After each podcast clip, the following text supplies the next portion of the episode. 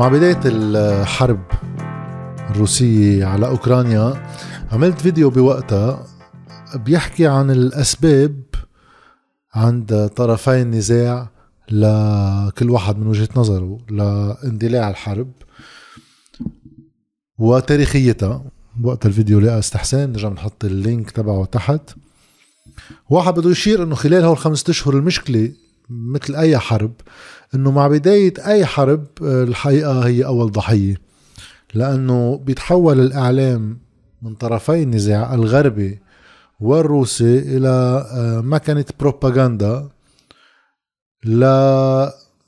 لتعظيم الحقيقة اللي بدهم يمرقوها لجمهور كل طرف من الطرفين خصوصا إنه بصير الهدف تحشيد الرأي العام لدعم كل واحد طرف النزاع عنده. فبصير صعب واحد يوم بيوم يتابع اللي عم بيصير بثقة بالمعلومات. اللي رح نعمله اليوم هو نقسم موضوعين فيديو اليوم وفيديو بكرة. هالخمسة أشهر وين وصلونا؟ على الصعيد الميداني العسكري وبالفيديو التالي اللي بيطلع بكرة عن الشق الاقتصادي اللي هو جزء من أدوات الحرب نفسها غير انعكاس نتائج الحرب على أسعار بعض السلع وإمكانية وصولها وسهولة استيرادها وتصديرها. هون الموضوعين بفوتوا ببعض بس لما يطول كثير الفيديو راح واحد يقسمهم. بالنص ومن هيدا المنطلق واحد بيرجع بيعمل هيك مقدمة سريعة إنه هيدي الحرب انطلقت ب 24 شباط صار قاطع أكثر من خمسة أشهر عليها.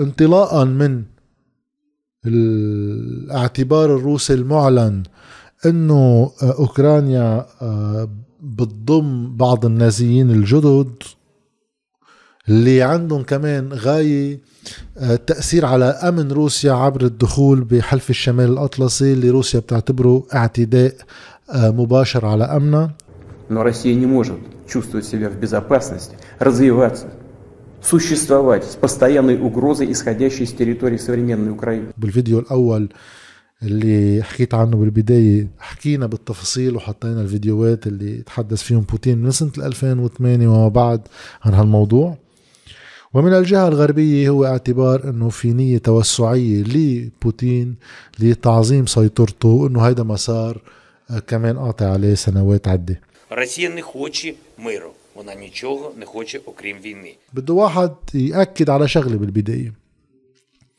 انه لا شك بعد مرور خمسة اشهر ما في واحد الا ما يوصل لهيك خلاصة فينا نعتبرها ظرفية عن انه الروس بشكل عام عانوا مع بداية هذه الحرب بما جعل هيبتهم العسكرية تتضرر وخصوصا أن روسيا هي لاعب من دول العظمى على الساحة الدولية انطلاقا من قوتها العسكرية المفترضة وليس من قوتها الاقتصادية. لأن روسيا اقتصادها وإن تحسن منيح عن التسعينيات ولكن لا يقارن بكبريات الاقتصادات العالمية. وحتى البنية تبعه هشة نسبيا لكسرة اعتماد الاقتصاد الروسي على الغاز والنفط لفوائده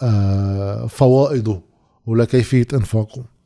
هيدا بهيك بشكل عام في واحد يقوله. بالتفصيل بده واحد يشير إلى أنه مع بداية الحرب واضح أنه كانت الهجمة الروسية مداها أوسع جغرافيا بوصولها ل مش بس الشرق الأوكراني اللي هو محاذي للحدود الروسية بصورة مباشرة ولكن أيضا دخول من الشمال للوصول إلى العاصمة كييف.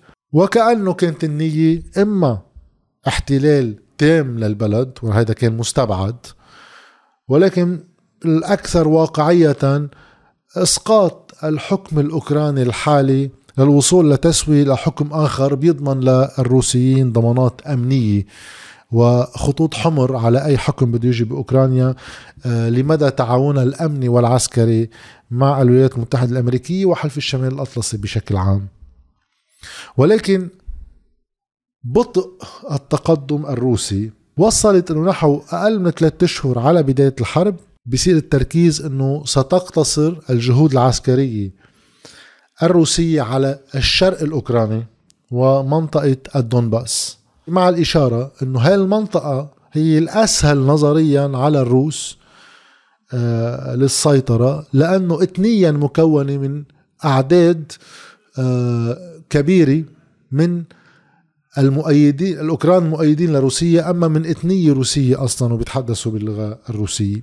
المتغير اللي صار واللي هو أساسي وراح أحكي عنه بآخر هذا الفيديو هو احتمال عالي لتحول ثالث بالأهداف الروسية لتنتقل من الشرق وتتجه جنوبا لأسباب رح أحكي عنها آه، بآخر هذا الفيديو. وهي يمكن تكون المرحلة المقبلة والأساسية آه، بالحرب. وبالإجراءات اللي عم بيقوموا فيها بالمناطق اللي سيطروا عليها اللي غير المناطق اللي اللي لحد هلأ أساسا تحت السيطرة الروسية بمنطقة الدنباس وبالشرق. الأوكراني المنطقة الأساسية المنطقتين الأساسيتين هي ماريوبول وخرسون اللي بيصيروا بالشرق الجنوبي اللي هن تحت السيطرة الروسية. الإجراءات الروسية عم بتضم تعيين مسؤولين عن هيدي المناطق موالين للروس وبعضهم روسيين. ادخال عملة الروبل على هيدي المناطق تتصير عملة التداول. وتوزيع باسبورات روسية على المقيمين بهيدي المناطق حتى المخابرات الأمريكية بتقرير آه، من بضعة أسابيع قليلة بيقولوا أنه في نية لروسيا بإجراء عدد من ال referendums لهالمناطق تعبر عن إرادتها للانضمام إلى روسيا. إشارة أيضا بعشرين تموز من وزير الخارجية الروسي سيرجي لافروف بقوله إنه آه، الأهداف بأوكرانيا من الجهة الروسية من الآن فصاعدا قد لا تقتصر فقط على الشرق مما يشير أيضا إلى النية إلى الامتداد جنوبا ورح نحكي ليش. ولكن على الرغم من كل هذه المعطيات ليش النظرة الأولى تشير إلى هيك إصابة الهيبة هيبة العسكرية الروسية؟ إذا واحد بيطلع على آه، هيك شوية معطيات عسكرية بشوف إنه كان مفروض هيدي الحرب تكون بصورة أوضح عم بتميل للكفة الروسية. والسبب هو إنه البنية العسكرية مفروض تكون أكبر وأقوى من الجهة الروسية. بالأرقام إذا واحد بيطلع على ال active military manpower يعني من أعداد العسكر الفاعلين مش بالأحتياطات مش بالتجنيد الإجباري. روسيا بتعد تقريبا حوالي المليون عسكري. بينما أوكرانيا هي عند نحو مع بداية الحرب كانوا 200 هلأ عم ينحكى عن 260 و 270 ألف عسكري ممارسين. الفرق مفروض يكون أربع لخمس أضعاف. وأيضا بالميزانيات العسكرية روسيا ميزانيتها العسكرية حوالي 62 مليار دولار. عم نحكي سنويا. بينما الميزانية العسكرية الأوكرانية اللي طبعا هلأ بتغير معطياتها ولكن كانت عن نحو الخمسة مليار دولار. فالتجهيز العسكري والقدرة العسكرية مفروض تكون أكبر بكتير من الجهة الروسية وتتيح تقدم عسكري أسرع من اللي عم نشوفه. اللي صار مع الحرب هو معطيين أساسيين. أولا المعنويات أما الاستعداد للقتال الأوكراني على ما يبدو مرتفع أكثر من ما هو عليه بالجهة الروسية وهذا شيء شوي منطقي عندما يكون واحد عم يدافع عن أرض هو قاعد فيها. من عسكر عم يدخل ليحتل أرض لبلد آخر. ولكن أيضا يمكن يكون أهم التجهيز العسكري والتسليح العسكري والدعم العسكري اللي عم تحصل عليه أوكرانيا منذ بداية الحرب اللي واحد فيه شير لأرقام كانت ما بتتعدى بضعة ما بعرف مئات ملايين دولارات قبل بداية الحرب. لا يرتفع الرقم من 24 شباط لحدود أول حزيران يعني من حوالي شهر ونص شهرين ل 33 مليار دولار دعم عسكري للجهة الأوكرانية. من حوالي 31 دولة ولكن إذا بنطلع بتفصيل الأرقام من وين عم تجي هالمساعدات؟ ببين معنا إنه من 33 مليار دعم عسكري لأوكرانيا في 26 مليار دولار هو فقط من الولايات المتحدة الأمريكية. وكل الدول الأخرى بتجمع سوا نحو 7 مليار دولار. وهيدا له سبب وراح نبلش هلأ نحكي شوي من بعد هاي الاستعراض العام للتحديات أمام طرفي النزاع بهيدي الحرب. ما توصلنا للمرحلة اللي وصلنا لها. الولايات المتحدة أعلنت إنه خلال هيدي الفترة تلت كل المخزون اللي عندهم إياه آه، من الجافلان اللي هو انتي تانك معادل للمدفعية صرف من مخزون لهم. وأيضا ربع أستنجر واحد على أربعة من أستنجر اللي هي صواريخ مضادة للطيران محمولة على الكتف أيضا نفذت بفترة ثلاث أربعة أشهر Now the U.S. inventory of Stingers and Javelins is running dangerously low. The closet is bare. Just to give you one example, uh, the United States military has probably dispensed about one third of its Javelin anti tank missiles to Ukraine. 1,400 Stingers, about a quarter of the inventory, experts and lawmakers say, has been committed to Ukraine. والمشكلة إنه إمكانية تصنيع هالصواريخ مثلا شركة ريثيون اللي هي بتعمل ستينجر أعلنت إنه نحن بحاجة لسنة نقدر نرجع نخلص تصنيع إضافي منهم. We have a very limited stock of material for uh, Stinger production. Uh, we've been working in, with the, the DoD for the last couple of weeks. Uh, we're actively trying to um, resource some of the material. ليش الجافلان وستينجر دغري نفذوا؟ لأنه كان في تركيز من البنتاغون بأمريكا للإنفاق على حاملات الطائرات والطائرات أكثر من هالنوع من التسليح وأيضا هذا الشيء بينعكس تقريبا بنسب مختلفة ولكن بأوروبا للإجابة على الشيء الرئيس الأمريكي دغري أعلن أنه في نية عندهم لإعادة الإنتاج والتخزين والمساعدة بمبالغ منا قليلة. هالمبالغ هي ب package أقره الكونغرس بحوالي 40 مليار دولار لإعادة التصنيع والتجهيز والهدف طبعا هو كمان استدامة الدعم العسكري و625 مليون دولار. هذا contract آخر انعمل مع ريثيون كرمال ال Stinger ولكن بده واحد يشوف إنه هالأسلحة أكلافها منا بسيطة لأنه السلاح الثالث اللي عم يتأمن واللي عم يكون عنده فعالية هو الهيمارس اسمه اللي هي نوع من المدفعية سريعة التحرك اللي أيضا الأمريكيين عم بيعطون إياها للأوكرانيين وأهداف هالدعم الثلاثة رح نحكي عنهم بالشق الأخير وقتها نحكي عن الهدف الروسي المستقبلي من الحرب. أكلاف تصنيع وحدة من هالقاذفات هيدي المتحركة هي أكثر من 5 ملايين دولار للقطعة الوحدة. طبعا فعالية هالأسلحة عم تبين بالميدان لأنه من حوالي السبعة آلاف آه، جافلان اللي هن مضادين للمدفعية اللي تسلموا مع بداية الحرب لأوكرانيا الأوكرانيين على القليل أعلنوا أنه أسقطوا 400 آه، مدفع أما 400 آه، تانك روسية مع بداية الحرب وهيدا اللي خلى التقدم يكون أبطأ واحدة واحد من الأسباب طبعا. ف واقع قدرت استدامة هل أكلاف قد تكون غير متوازية عند الجهات اللي عم بتمول الحرب؟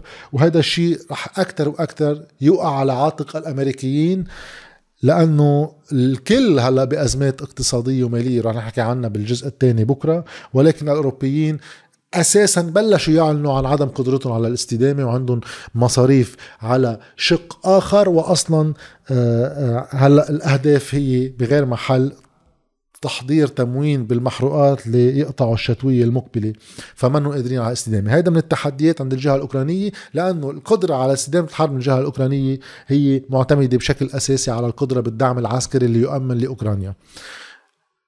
وهذا الشيء بفرجي قديش الحرب أساسية بالنسبة للولايات المتحدة الأمريكية اللي مستعدة تحط هالكمية من الأموال بفترة كتير قصيرة وتقول في 40 مليار دولار جايين على الطريق للفترة المقبلة.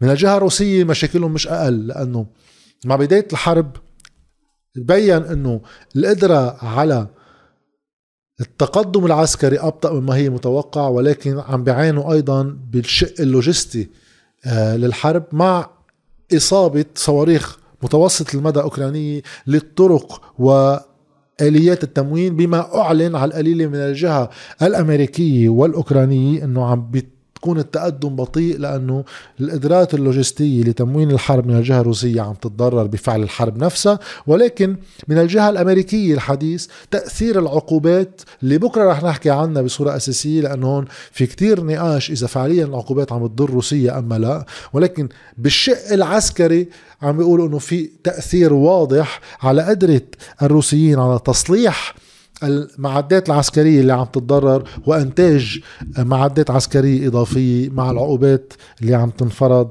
على الروس. الجهة الروسية عندها هالنوع من الإشكال. ولكن إذا بنحط هالقسطين على جنب بنلاقي بالشق العسكري في معطى إضافي سلبي للجهة الروسية. واللي هي طلب كل من السويد وفنلندا الانضمام لحلف الشمال الأطلسي واللي هن محاذين لروسيا شمالا. بده واحد يذكر إنه فنلندا بتبعد عن سانت بيترسبرغ المدينة الكبيرة بضعة كيلومترات هي تقريبا على الحدود. ليش هيدا المعطى سلبي بالنسبة للجهة الروسية اهتمام روسيا بالواقع الأوكراني ومنع وصول حلف الشمال الأطلسي عليها هو لأسباب عسكرية أمنية مباشرة على اعتبار أنه الدول اللي هي منضمة لحلف الشمال الأطلسي المحاذي لروسيا هي ثلاث دول صغرى إستونيا وليتوانيا ولاتفيا واللي هي دول صغرى إمكانية التأثير الأمني المباشر على روسيا محدود. ولكن السهل الأوكراني يمتد إلى جزء طويل من الحدود الروسية غير كبر حجم الدولة الأوكرانية. من هون كان في خطر شديد. نفس هالإشكالية تنطبق على فنلندا ومن خلف السويد. فنلندا اللي عندها حوالي 1300 كيلومتر من الحدود المشتركة مع روسيا الحدود الفنلندية الروس الروسية. واللي تاريخيا صار في عم نحكي لحدود الاتفاق اللي صار مع الاتحاد السوفيتي تاريخيا لهالحدود كان في محاولات روسية متعددة للسيطرة على هالمناطق أيام الإمبراطورية. وحتى على أيام الاتحاد السوفيتي كان في اتفاق أنه ممنوع تكون فنلندا منصة لأي خطر أمني على الاتحاد السوفيتي. ومن ذاك الزمن التزمت فنلندا والسويد الحياد ما بين طرفي النزاع السوفيتي والغربي. لما تفوت بهالصراع مع انتهاء الحرب الباردة بلشت فنلندا والسويد تقوم بخطوات بالتقرب من الغرب من دون إزعاج الروسيين خصوصا من بعد سنة 2000 ووصول بوتين وإعلانه المتكرر عن المخاطر اللي بيشوفها بحلف الشمال الأطلسي على روسيا. وكان في اعتبار عند هالدولتين إنه هالسياسة الحياة بهالنوع من الصراع مأمنت لها هدوء وعدم استفزاز من الجهة الروسية وقصة نجاح لتجربتهم كدول اسكندنافية كانت عم تشهد آه، استقرار. ولكن مع بداية الحرب انقلب قلبت النظرية وصار في اعتبار عندهم إنه في حاجة لتأمين استقرارنا من الخطر الروسي لدخول حلف الشمال الأطلسي. غير الحدود الكبرى بين فنلندا وروسيا وحجم هالدولتين. بده واحد يحكي عن القوة العسكرية لهالدولتين اللي أصلا فنلندا هي مجهزة. تقريبا حصرا ما في واحد يقول حصرا ولكن تقريبا حصرا لنوع حرب مع روسيا لأنه الخطر الأمني التاريخي الموجود هون. تجهيز العسكري الفنلندي هو للحرب البرية مع روسيا وبمعدات عسكرية كومباتيبل يعني تتجانس مع حلف الشمال الأطلسي ونوع التجهيز العسكري اللي بيأمنه واللي بيعتمد عليه حتى أكثر من بعض الدول اللي هي بحلف الشمال الأطلسي مع العلم أنه أصلا كان يكون في تدريب مشترك بين هالدولتين وحلف الشمال الأطلسي سابق لنيتهم بالإعلان عن دخولها. بينما السويد تركيز قدرات العسكرية هي بالحرب البحرية. وهالقوتين وقتها سوا بيدخلوا على حلف الشمال الأطلسي بقدرتين برية وبحرية وهم على الحدود الروسية ودول كبيرة بشكله خطر جدي. ومن هون كان في إعلان من الجهة الروسية أنه هيدا أمر قد يزيد من عدم الاستقرار في هذه المنطقة إذا تحقق.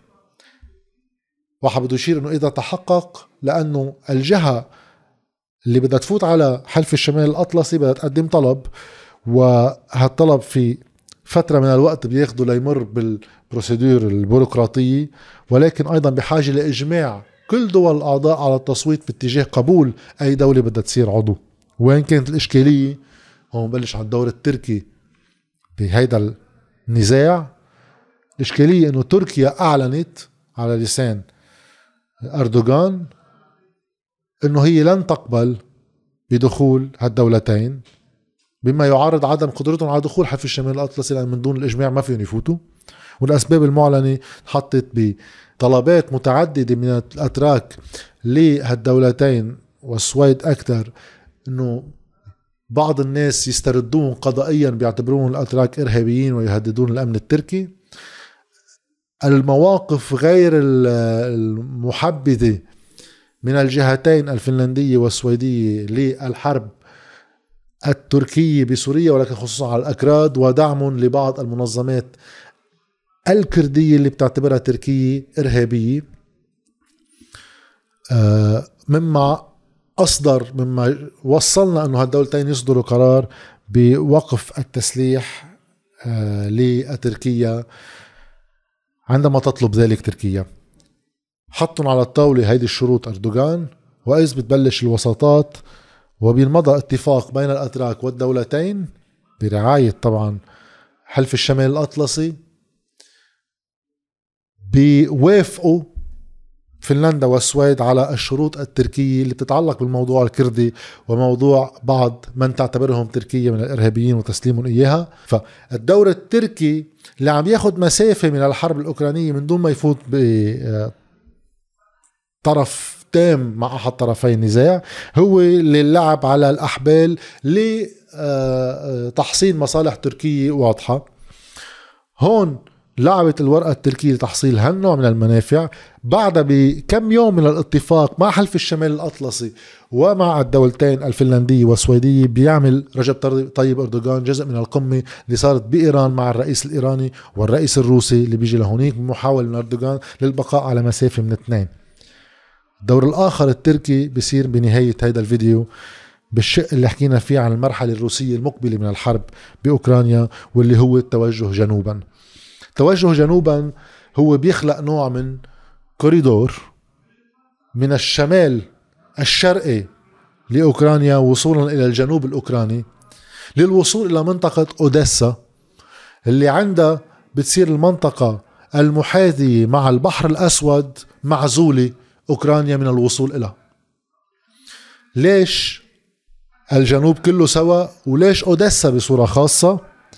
لأنه واحد بده يشير إلى أنه اولا الحاجة للسيطرة الكاملة على الحدود مع البحر الأسود آه، بخلي روسيا توصل لمرافق المياه الدافئة لأنه المرافق اللي عندها اياها بالجزء الأركتيك القطبي الشمالي بتتجمد لأشهر طويلة من السنة فما فيها تستفيد منها. وحتى المرفق الموجود بسانت بيترسبرغ مع إنه صار في كسر كاسرات للجليد بحرا ولكن أيضا معرض للتوقف لأوقات من السنة بينما الوصول للمياه الدافئة بيأمن حركة مستدامة كل السنة وأيضا بيأمن الوصول إلى الصادرات والواردات الآسيوية المعنى العسكري لها والقدرة للسيطرة على هذا البحر الأسود بصورة تامة.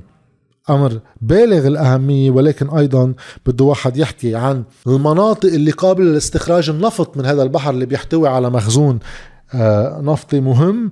وأيضا اللي منطقة البحر الأسود بيمرق فيها خطوط وأنابيب غاز أبرزهم ال Blue Stream وال TurkStream اللي هن مع تركيا اللي بتصير كلها مؤمنة تحت السيطرة الروسية. ولكن القصة لا تتعلق فقط بالمصالح المالية والأمنية المتعلقة بالبحر الأسود ولكن لها علاقة أيضا بأوكرانيا نفسها والحرب على أوكرانيا؟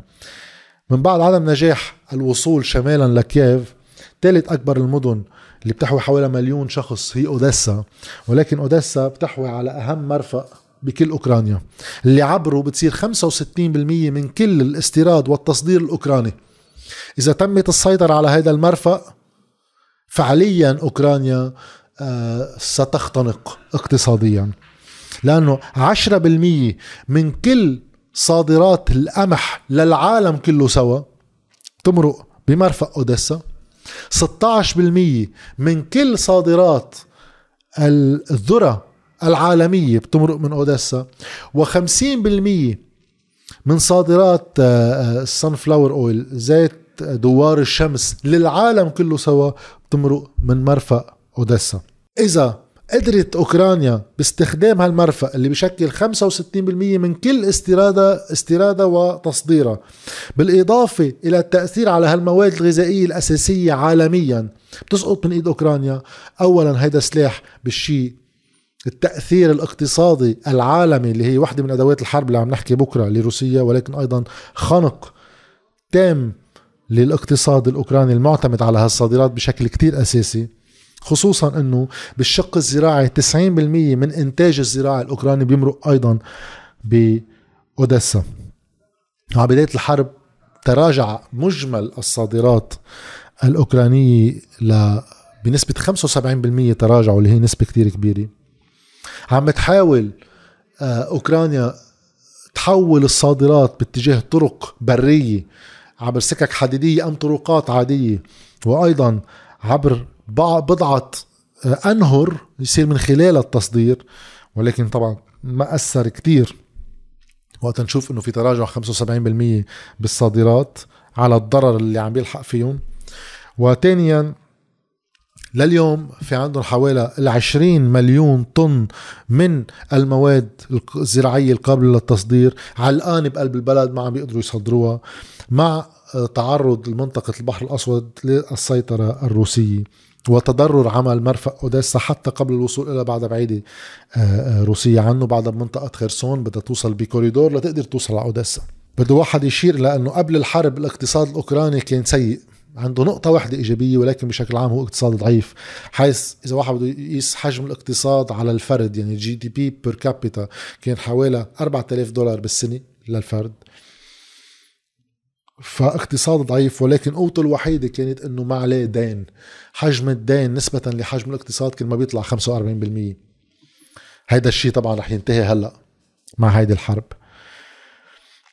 هون مع هيدي الأزمة ارتفعت أسعار طبعا المأكولات عالميا بحوالي 60% جزء أساسي من وراء الإشكالية الروسية الأوكرانية. اللي إذا مزيد عليها الصادرات الروسية للقمح وكذا بعد بتعلى النسب كتير.